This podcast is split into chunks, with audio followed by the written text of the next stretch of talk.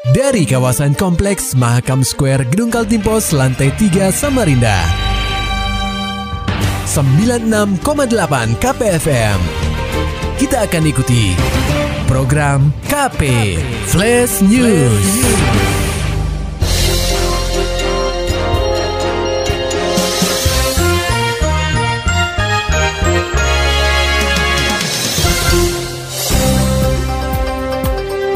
Pendengar KP, penularan COVID-19 di Provinsi Kaltim semakin mengkhawatirkan. Seluruh kabupaten dan kota sebenua etam masuk zona merah.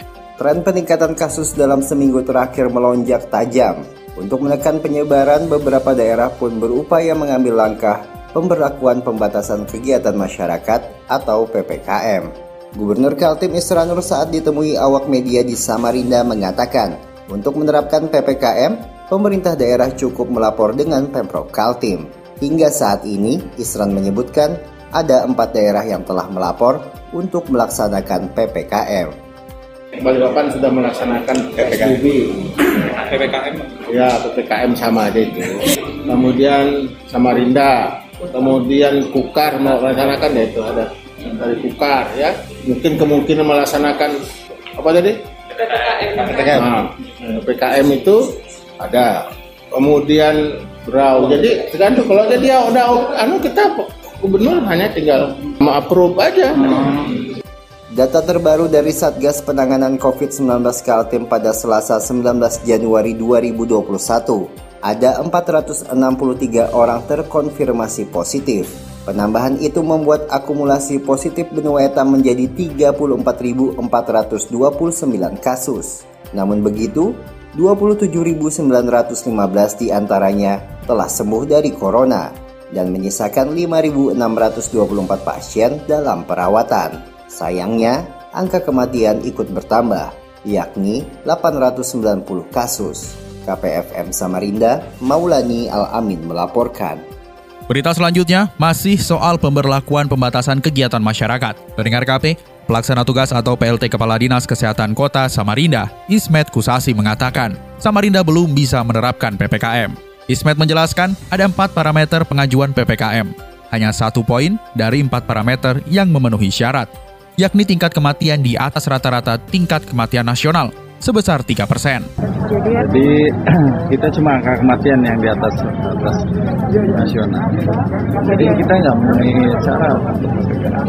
Tapi memang kita harus akui bahwa sekarang Samarinda mengalami kenaikan sama halnya seperti di kabupaten kota lain. Jadi kita tetap harus waspada karena uh, di sekitar Samarinda kan sudah ppkm kan, Ya kita harus waspada. Laporan Dinas Kesehatan Kota Samarinda mencatat, tingkat kasus aktif di Samarinda sebanyak 7,3 persen. Tingkat kesembuhan sendiri di angka 89,6 persen. Sedangkan tingkat kematian sebesar 3 persen. Sementara ketersediaan ruangan ICU dan isolasi di rumah sakit sekitar 70 persen. Beralih ke dunia hukum dan kriminal, pendengar KP Polresta Samarinda berhasil menggagalkan pengiriman lebih dari 3 kg sabu-sabu yang diduga akan diedarkan di Kecamatan Sanga-Sanga, Kabupaten Kutai, Kartanegara. Laporan selengkapnya akan disampaikan oleh reporter KPFM Samarinda, Muhammad Nur Fajar.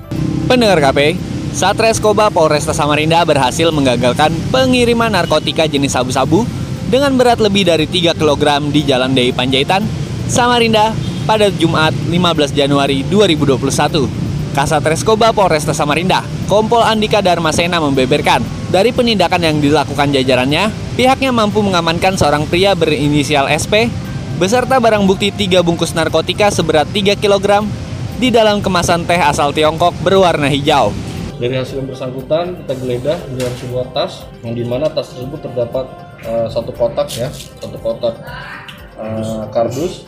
kemudian kita buka ternyata di dalamnya ada tiga buah bungkus besar. Yang satu bungkusnya masing-masing itu dimasukkan ke dalam bungkus teh dari Cina teh merek Cina. Kingsan nah, Kingsan ini kemudian kita buka di dalamnya terdapat satu bungkusnya sebanyak seribu kemudian dalam satu bungkus tersebut juga itu ditemukan ada sampel. Berdasarkan keterangan SP, diketahui bahwa barang haram tersebut akan diantar kepada seorang pria di Kecamatan Sanga-Sanga, Kabupaten Kutai Kartanegara. Tanpa basa-basi, polisi segera mengerahkan timnya ke Kota Juang dan meringkus pria berinisial AO dengan barang bukti 25 gram sabu-sabu di kediamannya. Pengembangan kembali dilanjutkan oleh jajaran Satreskoba Polresta Samarinda ke Lapas Kelas 2A Tenggarong. Andika menjelaskan, di sini pihaknya membawa dua tersangka yang terlebih dulu diamankan untuk bertemu narapidana berinisial SN yang diduga sebagai otak dari pengiriman barang haram tersebut. Jadi total dalam uh, pengungkapan ini ada tiga tersangka dan ada satu DPO ya. Karena dari keterangan si N ini bahwa barang ini dia pesan melalui seseorang atas nama Dewi ini berada di Kutai Barat ini masih kita profiling orangnya ya kan seperti apa kemudian juga nanti ke depan dari hal sini juga jadi dari keterangan uh, eh, AO ini jadi AO inilah yang menyebarkan di sangat-sangat lebih lanjut Andika mengungkapkan bahwa pihaknya akan terus melakukan pengembangan dan mengejar satu tersangka yang masih buron. Kemungkinan pihaknya juga akan memeriksa petugas lapas Tenggarong karena saat penindakan beberapa barang bukti sudah tidak ada di tempat.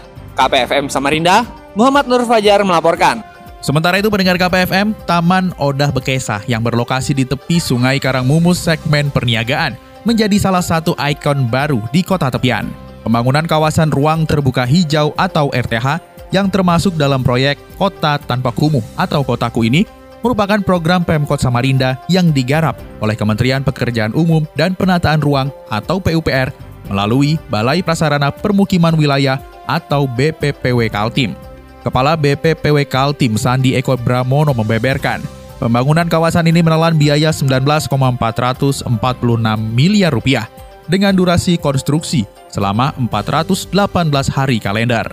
Pak, itu tadi 19,446 miliar, uh, terus kemudian durasi konstruksinya kemarin 418 bulan, Ma hari, maaf, 418 hari kalender, kemarin selesai konstruksi di 30 Desember ya, 30 Desember 2020. Ini masa pemeliharaan 6 bulan, jadi kira-kira sampai 30 Juni 2021. Ketika disinggung terkait pemeliharaannya, Sandi menuturkan selama enam bulan ke depan, proses pemeliharaan akan menjadi tanggung jawab BPPW Kaltim sesuai standar operasional prosedur atau SOP yang ada.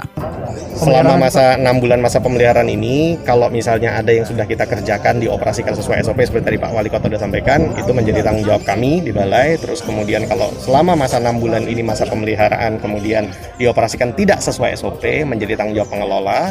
Dan selama masa 6 bulan pengelolaan ini kalau ada volume yang hilang, maka menjadi tanggung jawab. Volume misalnya kayak apa Pak? Ya misalnya contoh ada yang mecahin lampu, terus kemudian ini toto ada yang nyolong, terus kemudian ada pompa, pompanya ada yang nyuri, kan ada pompa air untuk booster pak, supaya bisa hmm. bisa nyiram ini gitu kan, terus kabel-kabel taman, terus kloset takutnya ada shower takutnya ada yang ngambil atau apa, makanya pengelola ini sangat penting ya pak. Wali ya. Pemkot Samarinda sendiri menunjuk Dinas Lingkungan Hidup atau DLH Samarinda untuk membantu melakukan pemeliharaan. Kepala DLH Samarinda Nurrahmani mengatakan pihaknya meminta kepada asisten 2 Pemkot Samarinda untuk bisa memfasilitasi pertemuan dengan camat dan lurah setempat guna pembagian wewenang. Tapi karena aku pikir ini penyerahannya itu di saat ingin peresmian ini, aku minta kemarin difasilitasi sama asisten dua. Kami dirapatkan bersama, sama-sama dengan camat dan lain-lain supaya kita ada pembagian penjagaan gitu loh. Karena kan di situ ada disyaratkan harus ada jaga malam, harus ada yang jaga WC. Mungkin kami kan ranahnya selama ini kan mungkin penyapuan, kemudian bagaimana tamannya terpelihara baik, bagaimana uh, ini uh, apa fasilitas lain ini terpelihara. Tapi kan kalau kita tidak ada ter ter keterlibatan masyarakat jadi, jadi runyam. Salah-salah kalau kita rajin-rajin buang sampah di sini, mohon maaf dia naruh sampahnya di sini juga. Yeah. Jadi perlu itu karena kami kan ketika masuk ke sini langsung untuk membentuk itu kurang nyaman karena kami tidak pernah bertemu dengan masyarakat kan. Jadi kita minta bentuk itu secepatnya. Kalau sudah ada bentukan itu insya Allah aman aja. Lebih lanjut, Nurrahmani juga berharap partisipasi masyarakat dalam menjaga Taman Oda Bekesah agar tetap bersih dan indah.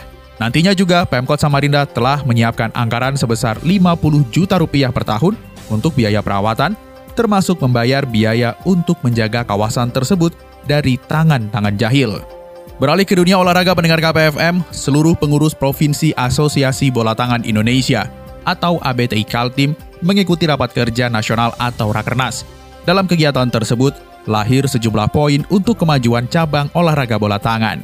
Ketua Pengprov ABTI Kaltim, Surya Digunawan mengatakan, ada tiga poin hasil Rakernas. Pertama, mengenai organisasi, Pengprov diminta melantik sejumlah anggota yang belum dilantik secara virtual. Kemudian seluruh Pengprov melakukan pembinaan untuk dua event, multi-event besar PON dan SEA Games. Pembinaan prestasi ada dua event jadi sasaran yaitu PON dan SEA Games. Ya. Nah, SEA Games eh, dilakukan eh, pada bulan eh, November dan PON-nya eh, Oktober. Ketua Pengprov ABTI Surya Gunawan juga menyebutkan pada April 2021 mendatang, pihaknya akan mengirimkan atlet untuk mengikuti seleksi nasional bertajuk Kejuaraan Nasional Junior. Maulani Alamin, Muhammad Nur Fajar, KPFM Samarinda. Serta dapatkan berita-berita selengkapnya di www.968kpfm.co.id. Demikian tadi telah kita simak rangkaian berita-berita yang terangkum dalam program KP Flash News. Persembahan dari 96,8 KPFM. Terima kasih dan sampai jumpa.